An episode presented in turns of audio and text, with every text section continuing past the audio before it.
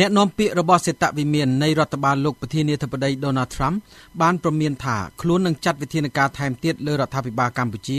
ក្រោយការបោះឆ្នោតដែលខ្លួនបានចាត់ទុកថាមិនបានរៀបចំមានលក្ខណៈសេរីយុត្តិធម៌និងមិនបានអនុញ្ញាតឲ្យគណៈបកសង្គ្រោះជាតិដែលត្រូវបានរំលាយបានចូលរួម។ នេះបើតាមសេចក្តីថ្លែងការណ៍មួយចេញផ្សាយកាលពីថ្ងៃទី29ខែកក្កដា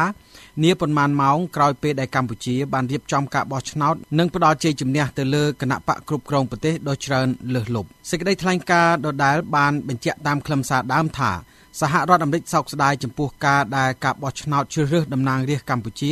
កាលពីថ្ងៃទី29ខែកក្កដាមិនមានភាពសេរីឬយុត្តិធម៌ហើយខកខានមិនបានធ្វើតាមឆន្ទៈរបស់ពលរដ្ឋកម្ពុជា ការបោះឆ្នោតមិនត្រឹមត្រូវដែលបានផាត់ចោលគណៈបកប្រឆាំងដ៏ចម្បងរបស់កម្ពុជានេះបង្ហាញឲ្យឃើញពីការដើរថយក្រោយដ៏ធ្ងន់ធ្ងរបំផុតចំពោះប្រព័ន្ធប្រជាធិបតេយ្យដែលមានចារនៅក្នុងរដ្ឋធម្មនុញ្ញកម្ពុជា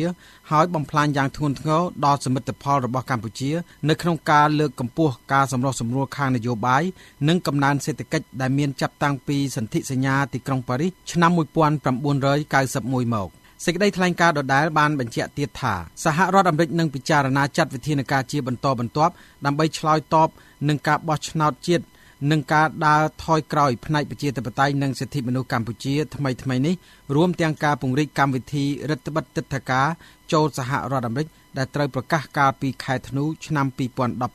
2017 សហរដ្ឋអាមេរិកបានដាក់ទណ្ឌកម្មលើរដ្ឋាភិបាលកម្ពុជានិងមន្ត្រីមួយចំនួនដែលពាក់ព័ន្ធនឹងការបំផ្លាញប្រជាធិបតេយ្យនៅកម្ពុជា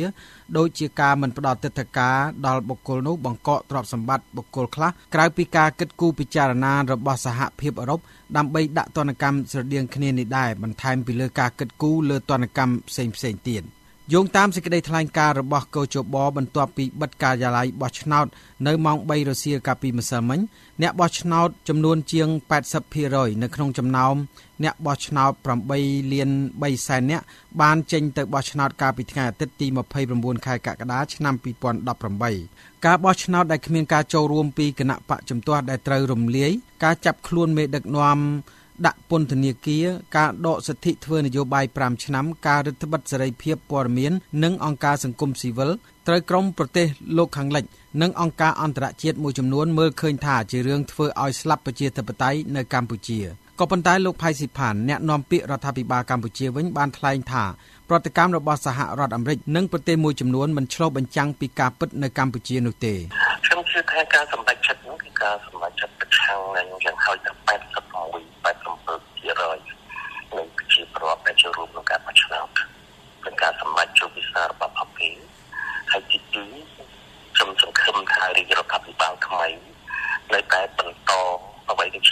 មូលដ្ឋានទំនាក់ទំនងល្អនឹងកិច្ចសហប្រតិបត្តិការហើយខ្ញុំជឿថាពេលនោះនឹងមានរឿងច្រើនដែលយើងអាចដោះស្រាយជាមួយគ្នាបានបាទលោកផៃស៊ីផានបានថ្លែងយ៉ាងដូចនេះដោយយោងថាការបោះឆ្នោតនិងដំណើរការបោះឆ្នោតនៅក្នុងប្រទេសកម្ពុជាកាលពីថ្ងៃអាទិត្យបានប្រព្រឹត្តទៅដោយរលូនល្អទាំងមុនក្នុងអំឡុងពេលនិងក្រោយពេលបោះឆ្នោតទៀតផងប្រជាពលរដ្ឋយល់ច្បាស់ណាស់តែថា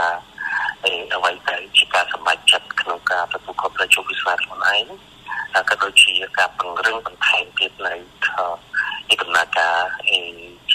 ប្រជាធិបតេយ្យឯងបាទលោកសឹកប៊ុនហុកប្រធានគណៈកម្មាធិការជាតិរៀបចំការបោះឆ្នោតបានថ្លែងប្រាប់នៅក្នុងសន្និសីទសារព័ត៌មាននៅចុងបញ្ចប់នៃថ្ងៃបោះឆ្នោតថាលទ្ធផលនៃការបោះឆ្នោតបានคล้ายទៅជាការឆ្លើយតបទៅសហគមន៍អន្តរជាតិដែលរិះគន់ពីភាពជឿជាក់លើការបោះឆ្នោតនៅកម្ពុជា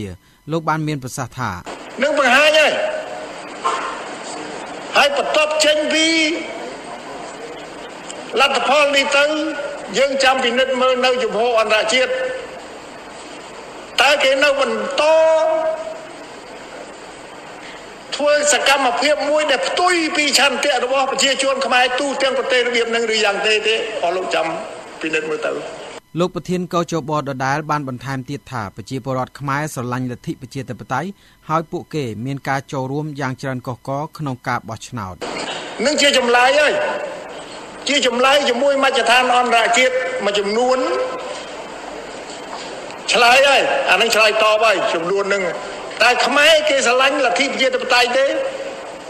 ដែលអស់លោកថាជាខ្លៃខ្លៃសັບតែគេមកចូលរួមកក្រឹកកក្រែងលើសបោះឆ្នោត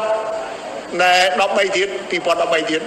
ទោះជាយ៉ាងណាក៏ដោយមិនមែនតែសហរដ្ឋអាមេរិកទេប្រទេសអូស្ត្រាលីនិងកាណាដាក៏បានបញ្ចេញប្រតិកម្មរិះគន់ទៅលើដំណើរការបោះឆ្នោតកាលពីថ្ងៃអាទិត្យផងដែរនៅក្នុងសេចក្តីថ្លែងការណ៍របស់ប្រទេសអូស្ត្រាលីដែលព្រួយបារម្ភពីដំណើរការប្រជាធិបតេយ្យនិងសេរីភាពខាងនយោបាយការរំលាយគណៈបកសង្គ្រោះជាតិ ការចាប់ឃុំខ្លួនលោកកឹមសុខាប្រធានគណៈបកសង្គ្រោះជាតិនិងការបញ្ចេញមតិនោះបានបង្ហាញពីក្តីបារម្ភដ៏ធ្ងន់ធ្ងរនិងផលប៉ះពាល់ដល់ដំណើរការបោះឆ្នោតសេចក្តីថ្លែងការណ៍ដដែលបានបញ្ជាក់តាមខ្លឹមសារដើមថាអូស្ត្រាលីមានការខកចិត្តដែលពលរដ្ឋកម្ពុជាមិនអាចជ្រើសរើសតំណាងរបស់ពួកគេដោយសេរីបាន នៅក្នុងសេចក្តីថ្លែងការណ៍របស់ប្រទេសកាណាដាវិញបានបង្ហាញជំហរថាការបោះឆ្នោតនេះមិនមានលក្ខណៈសេរីនិងយុត្តិធម៌ដែរដោយសារតែមានការរឹតបន្តឹងសេរីភាពបញ្ចេញមតិលើសង្គមស៊ីវិលសារព័ត៌មានប្រើប្រាស់ប្រព័ន្ធតុលាការចាត់ការក្រុមជំទាស់មុនពេលបោះឆ្នោតទោះ ជាយ៉ាងដូចនេះក្តីគណៈបកប្រជាជនកម្ពុជាបានចេញសេចក្តីថ្លែងការណ៍អបអរសាទរចំពោះការប្រកាសលទ្ធផលបឋមដំបូងដែលពលរដ្ឋមានការចេញទៅបោះឆ្នោតដល់ទៅ82កណ្ដកសញ្ញា17%ដែលនេះគណៈបកប្រជាជនកម្ពុជាចាត់ទុកថាជាការបង្ហាញពីជំរឿសនិងឆន្ទៈរបស់ពលរដ្ឋកម្ពុជាគណៈបកប្រជាជនកម្ពុជាបានថ្លែងនៅក្នុងសេចក្តីថ្លែងការណ៍តាមខ្លឹមសារដើមថាគណៈបកប្រជាជនកម្ពុជាជឿជាក់ យ៉ាងមុតមមថាប្រព័ន្ធនយោបាយសេរីពហុបកគឺជាមូលដ្ឋានគ្រឹះនៃសន្តិភាព និងការអភិវឌ្ឍប្រកបដោយចីរភាពគណៈបកប្រជាជនកម្ពុជាជឿជាក់យ៉ាងមុតមមថាប្រព័ន្ធនយោបាយសេរីពហុបកគឺជាមូលដ្ឋានគ្រឹះនៃសន្តិភាព និងការអភិវឌ្ឍប្រកបដោយចីរភាព គណៈបកប្រជាជនកម្ពុជារបស់លោកនាយករដ្ឋមន្ត្រីហ៊ុនសែនដែលកាន់កាប់អំណាច33ឆ្នាំត្រូវគេដឹងថានឹងប្រឈមមុខជាមួយនឹងប្រទេសធំធំជាច្រើនក្រោយពេលបង្កើតសភាថ្មីនិងរដ្ឋាភិបាលថ្មីមួយនៅប៉ុន្មានសប្តាហ៍ខាងមុខដូចជាបញ្ហាសេដ្ឋកិច្ចពាណិជ្ជកម្មការទូតនិងកិច្ចសហប្រតិបត្តិការលើវិស័យមួយចំនួនរាយការណ៍ពីរាជធានីភ្នំពេញខ្ញុំសុកខេមរា VOA